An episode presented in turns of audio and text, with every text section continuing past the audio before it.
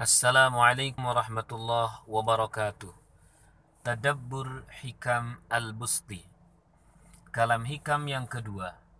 Bismillahirrahmanirrahim. Qala al-muallif rahimahullah ta'ala, wa kullu wijdani hazzin la thabata lahu fa inna ma'nahu fit tahqiqi fiqdanu. Segala perolehan duniawi yang tidak ada unsur kekekalan di dalamnya, maksudnya tidak ada unsur keakhiratan di dalamnya, maka artinya kau kehilangan saat mendapatkannya. Saudara-saudari rahimakumullah. Kok bisa kita mendapatkan justru saat kita mendapatkan itulah saat kita kehilangan. Maksudnya bagaimana? Jadi pada saat misalkan ada fulan A dan fulan B dijatahkan oleh Allah Subhanahu wa taala hari tersebut baik fulan A maupun fulan B mendapatkan keuntungan sebut saja 3 juta dari hasil perdagangannya atau dia dapat gaji atau dari mana pokoknya dia datah mendapatkan 3 juta hari tersebut. Bedanya apa dengan si A, si A dan si B? Si A pada saat dia berdagang, ia jadikan proses perdagangan itu sejak berangkat, di tengah, dan ketika pulang menjadi prosesi ibadah. Segala perkara akan menjadi berproses menjadi proses ibadah dinilai ibadah oleh Allah itu bila punya dua syarat. Yang pertama adalah niat dan yang nomor dua adalah eksekusinya prakteknya sesuai syariat jadi secara niat adalah diniatkan untuk ibadah atau untuk mencari bekal ibadah dan secara praktek adalah sesuai apa yang menjadi tuntunan Allah Subhanahu wa taala. Si A melakukannya begitu.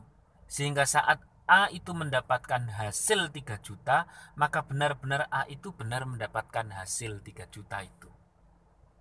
Kenapa kok bisa seperti itu? Iya sebab memang hidup ini kan kita wa ma khalaqtul jinna wal insa illa. Kita tidak diciptakan kecuali untuk ibadah. Maka bila kita mendapatkan sesuatu, mengupayakan sesuatu, jadikan itu semuanya ibadah. Ketika jadi ibadah berarti sesuai apa yang dikehendaki oleh Allah Subhanahu wa taala. Kalau kita dapat untung 3 juta berarti kita mendapatkan apa-apa yang oleh Allah Subhanahu wa taala dikehendaki 3 juta itu sebagai uh, bekal ibadah. Lain dengan si B. Si B pada saat dia berdagang, setan menggodanya. Si A pun sama, setan menggoda hanya dia uh, bisa tidak terjerumus oleh setan. Si B terjerumus. Hatinya dikuasai oleh setan. Shh.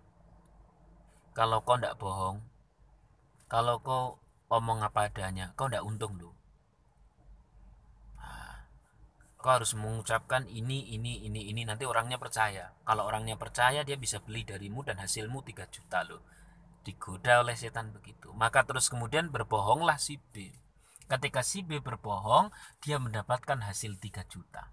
Padahal 3 juta itu bukan karena kebohongannya loh. 3 juta itu oleh Allah sudah didatahkan di hari itu akan turun 3 juta. Andaikan dia tidak berbohong pun dia turun 3 juta. Hanya digoda oleh setan bagaimana agar dia berbohong. Maka dia berbohong 3 juta turun. Nah turunnya 3 juta ini adalah kehilangannya. Berarti misalkan orang hidup di dunia ini 60 tahun. Allah akan ngasih rezeki dalam waktu-waktu yang sudah ditertentukan oleh Allah sesuai jatah yang ditertentukan oleh Allah. Harinya jelas, jamnya jelas dan sebagainya. Lalu kemudian orang tersebut kok mengupayakannya dengan menjadi ibadah, maka benar-benar orang tersebut mendapatkan rezeki Allah. Tapi kalau orang tersebut mendapatkannya adalah dengan cara-cara yang tidak sesuai dengan ibadah, yakni sarannya salah, bahkan tidak diniati misalkan, maka uang itu turun sebagai kehilangannya. Kenapa? Karena tidak jadi ibadah. Saudara-saudari rahimakumullah, sampai sini mulai jelas. Lalu apa yang dapat kita simpulkan dan apa yang dapat kita renungkan? Pertama yang kita renungkan dulu. Kalau jatah kita sebenarnya oleh Allah Subhanahu wa taala di hari yang ditertentukan sebut saja hari ini. Allah menentukan kita mendapatkan untung sebut saja 4 juta. bila 4 juta itu adalah niatnya kita ada nuansa ibadah katakan saya jualan jam tangan misalkan dari awal memang saya sudah kasih niat lebih bukan hanya sekedar ibadah dari awal saya sudah bilang ya Allah semoga siapa saja yang beli jam tangan saya ini nanti dia jadi tahu lebih tahu waktu tentang wayah-wayahnya dia sholat kapan waktunya dia sholat. Atau saya jualan HP misalkan ya Allah semoga saya jualan HP ini orang yang menggunakan HP ini uh, dari awal saya niatkan saya mendapatkan rezeki untuk bekal ibadah untuk bekal ibadah diriku dan keluarga dan siapa saja yang memakai HP dariku ini semoga dia bisa gunakan HP ini untuk sarana ibadah pula nelpon sama orang tuanya nelpon sama istrinya nelpon sama anaknya bukan nelpon sama selingkuhannya bukan nelpon sama pacarnya. Sehingga semoga ini menjadi alat kesolihan seseorang. Nah maka kemudian saya saat mendapatkan untung dari jualan HP atau untung dari jualan jam tangan itu sebut saja hari ini memang saya mendapatkan 3 juta maka 3 juta ini adalah sesuai yang oleh Allah kehendaki untuk apa. Sehingga 3 juta ini benar-benar saya mendapatkan dengan kesejatian saya mendapatkan.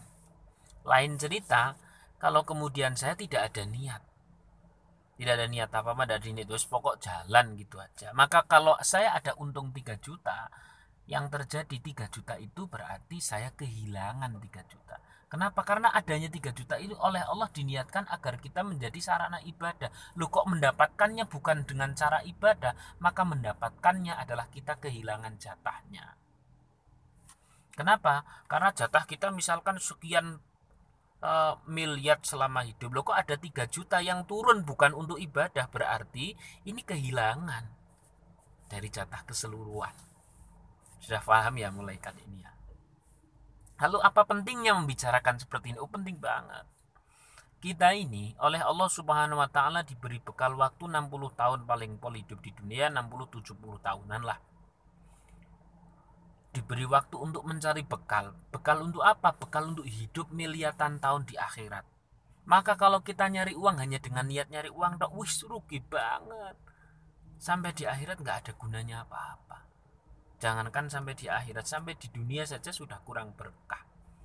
Oleh karena itu, jangan sampai ada niat kerja kita kecuali di sana hanya niatkan untuk ibadah. Caranya secara hati niat, secara syariat sesuai dengan apa yang menjadi tuntunan Allah Subhanahu wa taala.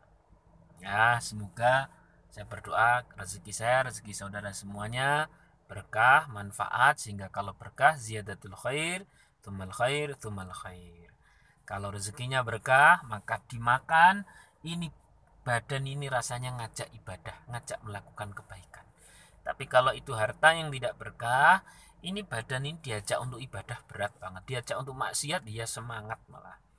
Nah dari situlah belum lagi tentang doa-doa kita. Pada saat kita berdoa nggak terkabul terkabul boleh jadi memang yang kita makan kurang berkah atau bahkan tidak berkah Kenapa tidak berkah? Karena ada kemaksiatan. Kenapa kurang berkah? Karena tidak diniati ibadah.